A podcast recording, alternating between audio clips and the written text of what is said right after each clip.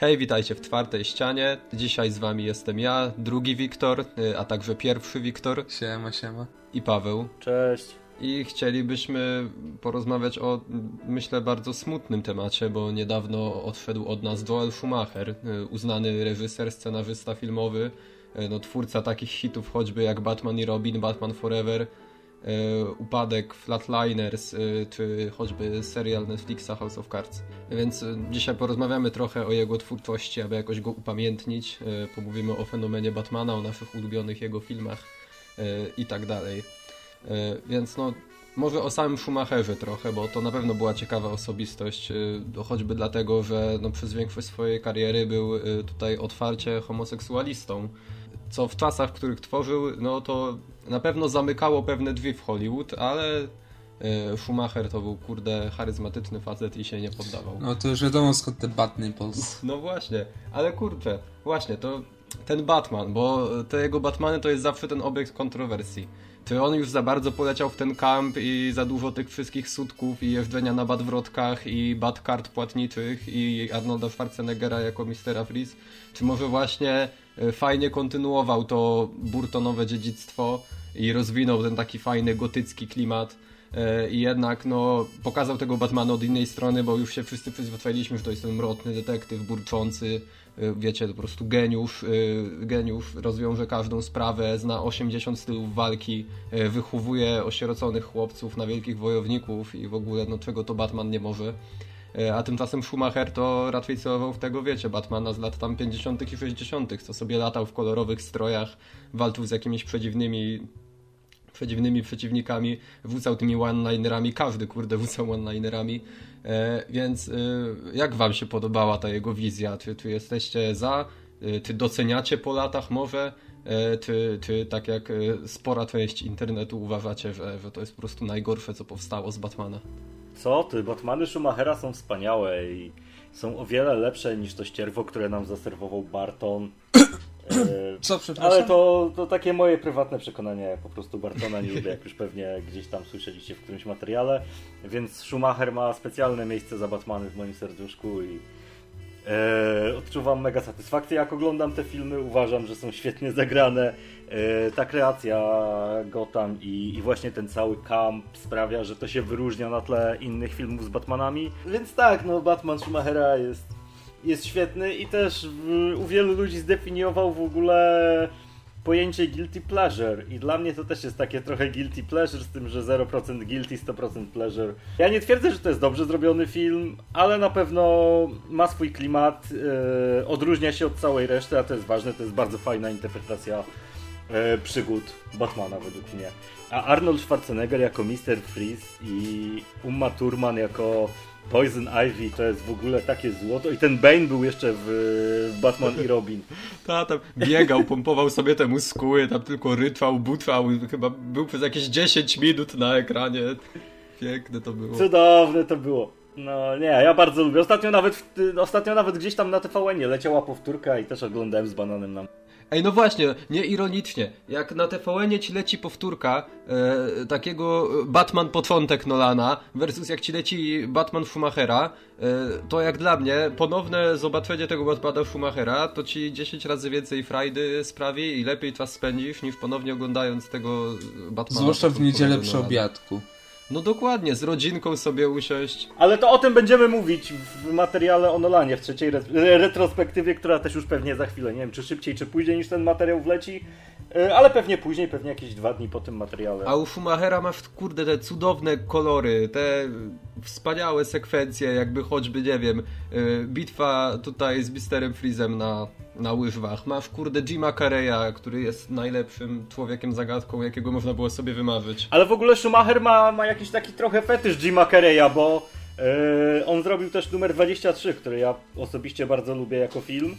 I tam totalnie jakby przełamał ten etos Jima Carreya jako komika i jako postać komediową, bo, bo to jest mocny dramat psychologiczny.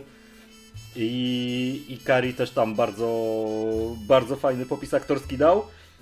I bardzo dobrze, bo ja lubię właśnie takie filmy, które w jakiś sposób przełamują utarte schematy, a Schumacher był w tym, no, bez wątpienia królem. Jeszcze wracając do tych Batmanów, to to w ogóle była moja, z tego co pamiętam, taka jakby pierwsza styczność z Batmanem, bo ja Batmany Schumacherowe to widziałem zanim jeszcze zobaczyłem te Burtonowe, których tak tu Paweł nienawidzisz, czy tam zanim zobaczyłem te nowe. I to dla mnie wtedy była taka definicja postaci, że Batman to nie mówi tym takim głosem strasznym, i, i, i, nie obija wszystkich brutalnie i nie mieszka w tym takim Gotham, gdzie wiecznie pada deszcz, tylko Batman, no to kurde, mieszka w takim Gotham, co wygląda jak wyciągnięte z jakiejś kreskówki totalnie e, się bije z tymi kreskówkowymi przestępcami, wszyscy tam krzyczą śmiesznie, wszyscy tam dziwnie mówią, wszyscy tam się dziwnie, bo wszyscy, wszyscy tam robią wszystko dziwnie w ogóle i to piękne było, ja strasznie dobrze wspominam te Batmany i zawsze jak jakaś powtórka akurat leci w telewizji i się natknę, no to nie mogę nie przełączyć, no bo to jest, to jest po prostu zbyt, zbyt czystą radość z życia mi to daje. E, ja ci powiem, że też e, Batmany Schumachera to były te pierwsze, które oglądałem. E, później dopiero oglądałem Bartona i na samym końcu Nolana. I nie, no ja kocham te filmy, a w ogóle George Clooney jako Batman w tym obcisłym stroju z tymi batsutkami to jest coś cudownego. Jak to powiedział Clooney, czego się nie robi dla pieniędzy? Teraz jak była ta wystawa, yy, wystawa DC w Łodzi i można było zobaczyć te stroje na żywo, to Boże, ten strój z batsutkami tak pięknie podświetlony tym białym światłem, tak majestatycznie wyglądał. Tak się cieszyłem, że mogłem go na żywo zobaczyć, doświadczyć tego.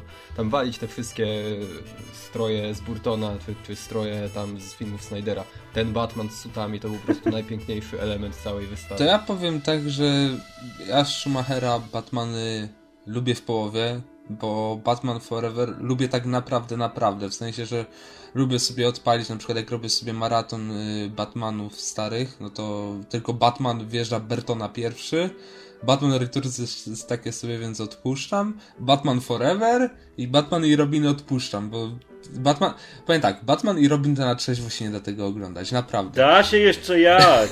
nie, ja bym nie mógł ja muszę naprawdę się zmusić, żeby obejrzeć Batman i Robin, bo naprawdę tego z własnej woli się nie da obejrzeć dla mnie. Przynajmniej w mojej opinii, bo Jak się nie da? to jest okropny film. Tak patrząc z perspektywy, wiecie, tak normalnej filmu jako film, to jest okropny film, ale jeśli na przykład jest, wiecie, piątek, wieczór, 22, cipsiki, kola, nie masz co robić, puszczasz sobie Batman i Robin, no to szybko tatuje jest fajnie. Tak mówiąc serio, no to Batman Forever to jest według mnie lepszy Batman niż Batman Returns. Val Kilmer super zagrał według mnie Batman, naprawdę odwzorował super Bruce'a Wayne'a. Mamy tego Jima Carreya jako Riddlera, to, to już też wspomnieć, że jest fantastyczny, ale no trochę cringe'em zalatuje. Jak popatrzymy przez niego jak taki comic relief pseudo, no to może się udaje. Ale jest przecież Tommy Lee Jones jako Two-Face, to, jest w ogóle super casting. Oni podobno z Karejem na planie się chyba nie lubili za bardzo, nie? Tak coś słyszałem, te opowieści, że Tommy Lee Jones tu nienawidził Kareja po prostu. No nie, bo tak wiekowo, wiecie. Ale bo Tommy Lee Jones ogólnie z tego, co można poczytać, to jest bucem strasznym. Ta fioletowa twarz powykrzywiana taka, o wiele lepsza niż ten taki spalony, niby realistyczny z Mrocznego Rycerza. E, nawet bym mógł zaryzykować, że w pewnych momentach Batman Forever jest lepszy niż Batman Begins, ale to tak tak na marginesie. Oczywiście, że tak. To nawet nie ma co, nie ma co, wiesz, nie ma nic do dyskusji. Batman Begins jest bardzo słabym filmem. Żeby nie było, nie ujmuję Nolanowi. Batman Begins to jest naprawdę dobry film. Dalej. Nie. Ale tak porównując, yy, co mnie bardziej przyciągało do ekranu, to Batman Forever, a nie Batman Begins. Też z tych Nolanowych zawsze mi Begins najmniej siadał. Ja za to strasznie uwielbiam e, Dark Knight Rises, ale to na później. A mi Dark Knight, Dark Knight Rises mi najmniej właśnie siadał. Rises jest wspaniałe. Bo każda scena z Bane'em to jest taka przyjemność po prostu, jak on mówi tym swoim głosem. Ja, ja jeszcze przed memami z Bane'em je kochałem. Znaczy z Bane'em tak, z Bane'em wszystkie sceny są super, ale ogólnie jakoś jak jakbym miał porównać do czegoś te Batmany Schumacherowe, to byłoby to Rises, bo Rises też było takie trochę kiczowate, trochę slapsticku tam było i takie właśnie wymieszanie tej niby powagi nolanowskiej z, z tym kampem komiksowym. Jak już troszkę te Batmany pochwaliliśmy razem tutaj, e, to może jeszcze prześledzimy parę innych e, filmów z tutaj jego bogatej filmografii. No bo co prawda, jak już mówiliśmy, z tych Batmanów on jest chyba najbardziej znany. E, to też ma na swoim koncie naprawdę dużo e, mniej lub bardziej uznanych produkcji. Więc e, idąc tak od samego początku, E, może, może któryś z Was będzie chciał się wypowiedzieć o jakimś konkretnym. Mamy choćby no, no Slow Boys, klasyk totalny z lat 80., który sobie wisi na mojej liście do obejrzenia od bardzo, bardzo dawna, a teraz chyba no, z uwagi na to wydarzenie, jakim była śmierć Schumachera, chyba w końcu sobie nadrobię, bo, bo od dawna bardzo chciałem obejrzeć. Czy ktoś z Was oglądał może? Nie, ja też mam na kupce wstydu, ale też chyba wleci niedługo.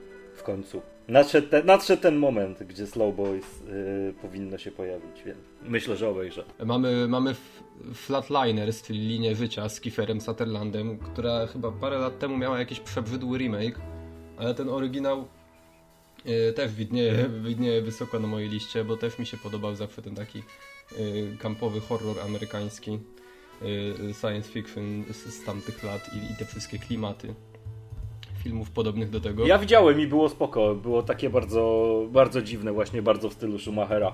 Kampowe, prześmiewcze. No, no słyszałem, że strasznie też trippy jest y, te, te wszystkie sceny, jak oni tam próbują odnaleźć sobie to życie po życiu. Y, I, I tam oni chyba w jakimś kościele się w ogóle, czy tam innym kraftowie się, się wyłączają z tego, w sensie tam no sobie flatlinują. Y, nie wiem, czy dobrze to pamiętam, ale, ale na pewno chcę obejrzeć to kiedyś w końcu. E, ale taki Polecam obejrzeć. najstarszy film Schumachera, jaki ja widziałem, no to to był e, Upadek, e, Falling Down z Michaelem Douglasem. I kurde, strasznie lubię ten film. To jest taki, wiecie, prawdziwy Joker 20 lat przed Jokerem. Widziałem tego faceta prostego, amerykańskiego człowieka, któremu ten amerykański sen wcale nie działa. Więc on po prostu się denerwuje i w upalny dzień wychodzi z auta i zaczyna robić rozpierduchę po swoim mieście, aż musi zostać powstrzymany.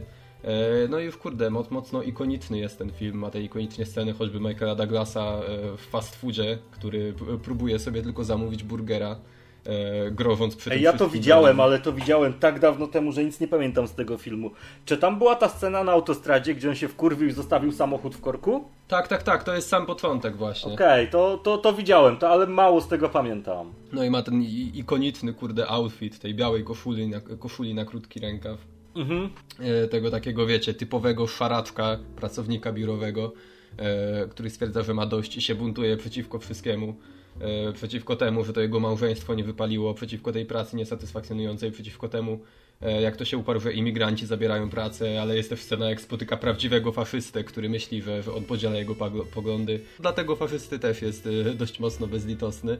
Bardzo dobry film, naprawdę polecam nadrobić, bo, bo to jest taka fajne ukazanie tej takiej amerykańskiej desperacji tamtych lat i tego załamania tym wszystkim i, i, i, walki z tym właśnie amerykańskim snem. On był w ogóle nominowany chyba do Złotej Palmy, nie? Tak, tak, był nominowany do Złotej Palmy na festiwalu Cannes e, w 93. No to ja też polecę, polecam obejrzeć, chociaż sam mało pamiętam, to chyba sobie też zrewatchuję w najbliższym czasie, bo pamiętam, że mi się podobało, ale nie pamiętam już poszczególnych scen. Właśnie tylko tą, gdzie, gdzie stoi w korku i wychodzi z samochodu zdenerwowany i pamiętam ją tylko z tego względu, że sam czasami mam podobnie, to znaczy mam ochotę wysiąść z samochodu i zostawić to wszystko w pizdu, ale pamiętam, że był super. Także na pewno zrewatchuję i polecam, i polecam też obejrzeć. Dalej mamy, mamy w 99 8 mm. Ty Paweł chyba oglądałeś, tak? Tak, 8 mm było tak wspaniałym filmem. Był świetnie napisany, świetnie zagrany, ale też oglądałem go bardzo dawno temu musiałbym sobie również przypomnieć.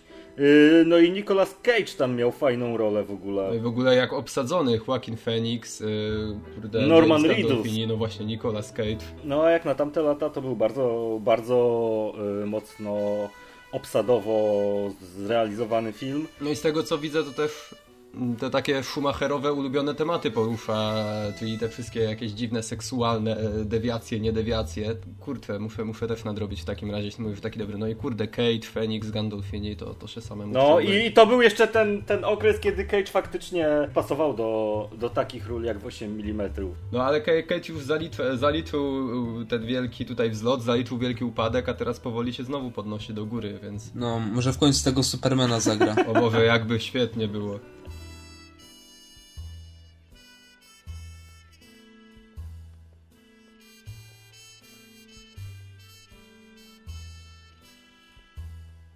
By, był blisko ostatnio w crossoverze na Arrowverse, ale niestety ze względu na plan mu się nie udało. Ale przyznajcie, chcielibyście zobaczyć Cage'a w tym, tym kiczowatym stroju, kuźwa, chociaż na 5 minut. Boże, tak bardzo. Ile ja bym dał. K2, ale jeszcze dokładnie dajcie mi Man of Steel, tylko że po prostu jest Nicolas Cage Henry'ego Cavilla, a nic innego nie zmieniać. Ma w cały ten klimat po prostu nie. tych alegorii jak do się, Jezusa. Jak się, jak się Superman wkurwia, no to Cage dostaje takiego pierdolca jak w Ghost Riderze. Się tak telepie cały. No dokładnie, po prostu, Boże, jakby to się świetnie oglądało. To był po prostu top 10 filmów superbohaterskich wszechczasów od razu. Nie no, ale tak wracając do filmów yy, Schumachera, to ja bym tak od siebie polecił z takich tych niebatmanowych klienta z Emily Jonesem, który jest naprawdę według mnie bardzo poruszającym filmem, takim dość trzymającym w napięciu, stawiając przede wszystkim na, wiecie, na emocje troszeczkę, ale też na tajemnicę, na wiedzę, no, że tak, że tak to ujmę przynajmniej. Tak powiem, że tak główny twist filmu, który, o którym dowiadujemy się na początku, no to, że prawnik, który wie, gdzie jego klient zakopał zwłoki jakiejś ofiary, przekazuje przed samym samobójstwem lokalizację tych zwłok, zwłok pewnemu chłopakowi, który musi no w pewnym sensie dotrzymać tej tajemnicy, ale też sam ma problemy etyczne, moralne, czy tak naprawdę wszystko powiedzieć policji, czy też nie. I to jest naprawdę, Tommy Lee Jones tam według mnie zagrał jedną ze swoich ról życia. To ja klienta z kolei nie widziałem. To jak już robimy takie polecajki, to ja z takich mało oczywistych filmów Schumachera to Telefon chciałbym polecić. Z Corlinem Farrellem, z Forestem Whitakerem, z Kieferem Sutherlandem i z Katie Holmes. I to jest taki dosyć mocny thriller, gdzie gość siedzi w budce telefonicznej i dzwoni do niego zabójca, snajper, który do niego mierzy ze snajperki i przez cały film gość nie może wyjść z tej budki telefonicznej. I brzmi banalnie, ale naprawdę tak zbudowanego napięcia to, to, to, to dawno w kinie nie widziałem jak, jak na tym filmie. I numer 23, o którym już tutaj mówiłem, to jest też yy, film Schumachera z Jimem Carreyem o gościu, który niby jest normalnym everymanem, ale ma fobię numeru 23, no i wokół tego knuta jest cała intryga. Stylistycznie jest to podobne bardzo do Sin City, także fajne, fajne kino i świetna rola Carreya. To ja jeszcze od siebie Polecę bardzo, chociaż e, na pewno nie z właściwych powodów. E, upiora w operze Schumachera. No właśnie. E, tego, gdzie Gerard Butler ma po prostu spaloną tam jedną dwudziestą twarzy, ale się udaje, że jest po prostu największym wydalem na świecie.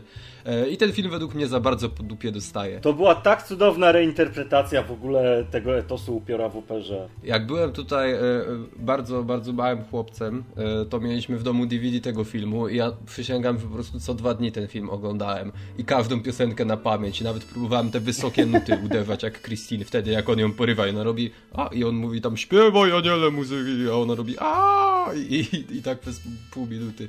Boże, tak mi się podobał ten film. E, ten żyrandol i, i to i właśnie w ogóle ta cała e, sekwencja z tym śpiewaniem, kiedy żyrandol spada na tę rudą aktorkę e, i ten, Boże ten, co grał Ocean Mastera. E, Patrick Wilson? Patrick Wilson, dokładnie. Patrick Wilson, który jakoś w ogóle mi nie pasował, pasuje do tej roli teraz, jak na niego patrzę, ale wtedy to mnie w ogóle nie obchodziło. Piękny facet z długimi włosami, po prostu taki Fabio przyszedł ratować tę tutaj biedną niewiastę z rok tego strasznego upiora. Bal maskowy, Boże, jak kochałem bal maskowy i tę piosenkę przy balu maskowym oczywiście, e, ale to jak upiór wtedy kozacko wyglądał w takim, wiecie, takim czerwonym stroju i zamiast tej swojej zwykłej połowicznej maski na tym balu maskowym miał taką, że mu zakrywała tak wszystko od nosa górę, taką wiecie, y, batmańską, która była taką czachą. Po prostu tak y, na mnie kozacko wtedy Butler wyglądał w tym. I Boże, jak ja kocham ten film. I nie oglądałem go specjalnie od jakichś 10 lat, bo wiem, że jak go obejrzę teraz, to go będę nienawidził pewnie. E, a tak to chcę mieć w głowie to, to jedno wspomnienie tego, jak się po prostu zakochałem w upiorze, w operze w wieku lat 8 i jak znałem wszystkie piosenki na pamięć, aż moja mama musiała kupić płytę tam z, z, polskim, z polskimi wykonaniami tutaj z Teatru Romy, bo sama była w Teatrze Romie na tym przedstawieniu i jak gdziekolwiek jechaliśmy autem, to mówiłem, że mamy puścić upiora i po prostu leciałem z pamięci wszystko tym swoim pięknym głosem operowym chłopca przed mutacją. Boże, jak ja kocham ten film. Upiór w operze jest wspaniały i nie słuchajcie nikogo, kto mówi, że jest inaczej, zwłaszcza napisów końcowych. Uuu, kolego, wjazd ad personam będzie pani. Na pewno nikomu się nie spodoba ten film, komu, komu go polecam, e, ale warto, choćby dla tych piosenek pięknych. E, co z tego, że pewnie średnio wykonanych, bo jednak Gerard Butler to, to, to się nie wydaje być najlepszym śpiewakiem, jakiego się dało wziąć. E, ale po prostu, nie wiem, ja dla samego sentymentu polecę ten film. Nie, ja też, ja też bardzo lubię Upiora w operze. Nie wiem, czy z sentymentu, czy dlatego, że uważam, że to jest dobry film. Ciężko mi powiedzieć, bo też bardzo dawno go nie oglądałem.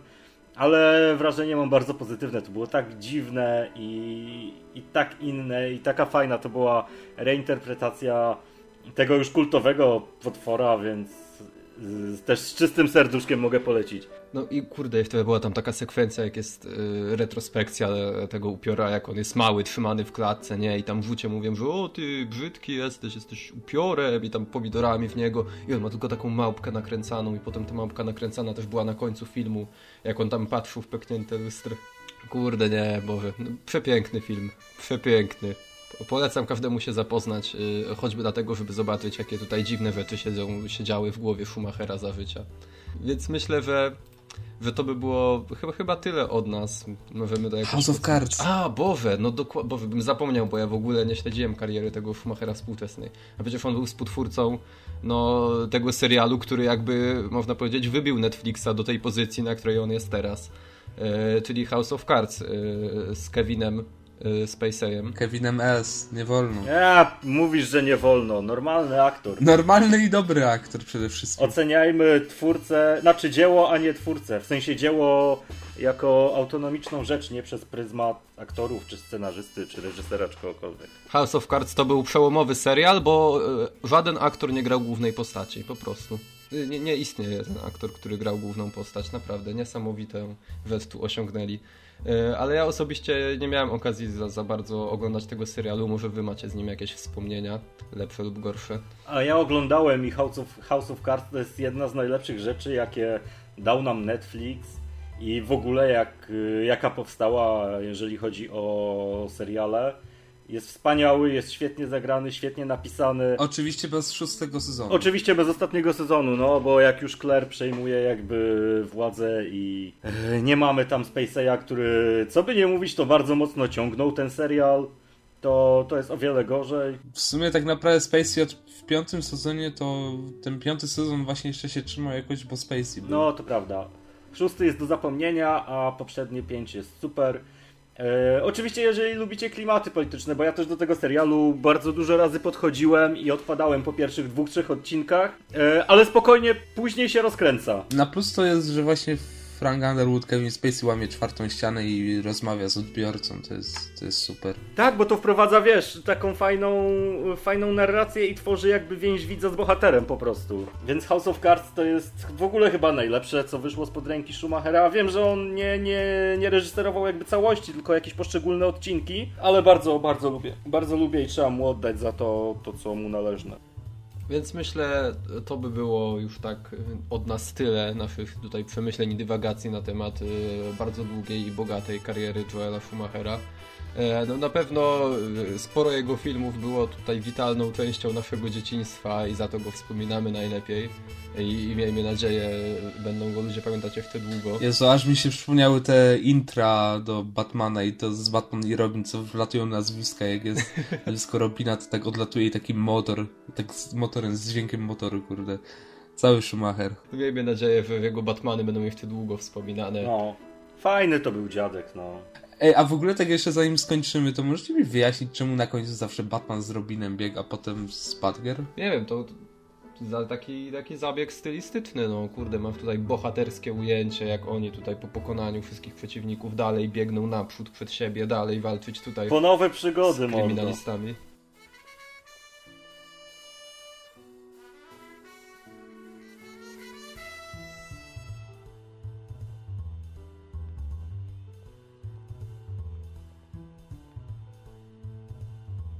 Ej, ale w sumie najlepsza postać z tych z Schumachera i z Bartolota Alfred. A fajny był ten Alfred Schumacherowski, taki, taki poczciwy, poczciwy staruszek taki to był. Jedyny dobry Alfred to jest yy, Michael Caine. Michael Caine to już był, wiecie, taki troszkę sarkastyczny, taki ten... Jeremy Irons. No Jeremy Irons też był spoko. Ja lubiłem. Nie, kurde, mam nadzieję, że ten, że teraz może będzie jakiś, wiecie, renesans tych filmów i ludzie nagle wszyscy odkryją, że one jednak były super i przeproszą za to, że je obrażali przez te tam 20 lat ponad yy, i wybudujemy statuę Clooney'owi. z Nie, sutkami. myślę, że nie. Bardzo bym chciał, żeby tak było, ale myślę, że tak się nie stanie. Dziękujemy panowi Schumacherowi za tutaj zagwarantowanie nam wspaniałych filmów y, przez całe nasze dzieciństwo i dłużej. Y, Możemy mu tylko już minutę ciszy poświęcić y, za tutaj jego zasługi dla kinematografii. Y, I no cóż, no. Dziękujemy Wam bardzo za słuchanie naszego dzisiejszego odcinka, takiego troszkę nostalgicznie sentymentalnego. Z Wami byli pierwszy Wiktor, No, na razie, hej. Trzymajcie się tam w tym Gotham. drugi Wiktor, czyli ja, a także Paweł. No Arka, trzymajcie się. Trzymajcie się, cześć.